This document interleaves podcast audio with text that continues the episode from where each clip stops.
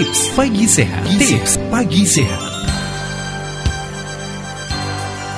Assalamualaikum. Selamat pagi keluarga Fas. Kembali tips pagi sehat hadir untuk Anda. Tahukah Anda bahwa ternyata posisi tidur kita keluarga Fas mampu mempengaruhi aroma nafas ketika pagi hari saat bangun dari tidur. Tidur dengan posisi agak tegak ini bisa menghindarkan kita dari nafas tidak sedap. Tidur dengan posisi agak tegak dan tidak terlalu telentang ini keluarga Fas, menurut pakar, mampu memastikan bahwa kita akan menjadi lebih mudah bernafas melalui hidung saat tidur. Namun sebaliknya, jika kita tidur dalam posisi terlalu datar, maka kita cenderung akan bernafas menggunakan mulut. Dan hal inilah yang berujung pada menurunnya produksi air liur dan membuat mulut menjadi kering. Padahal kita tahu ya keluarga Fas, keberadaan air liur dalam mulut membantu mencegah terjadinya bau mulut karena air liur membantu membunuh bakteri.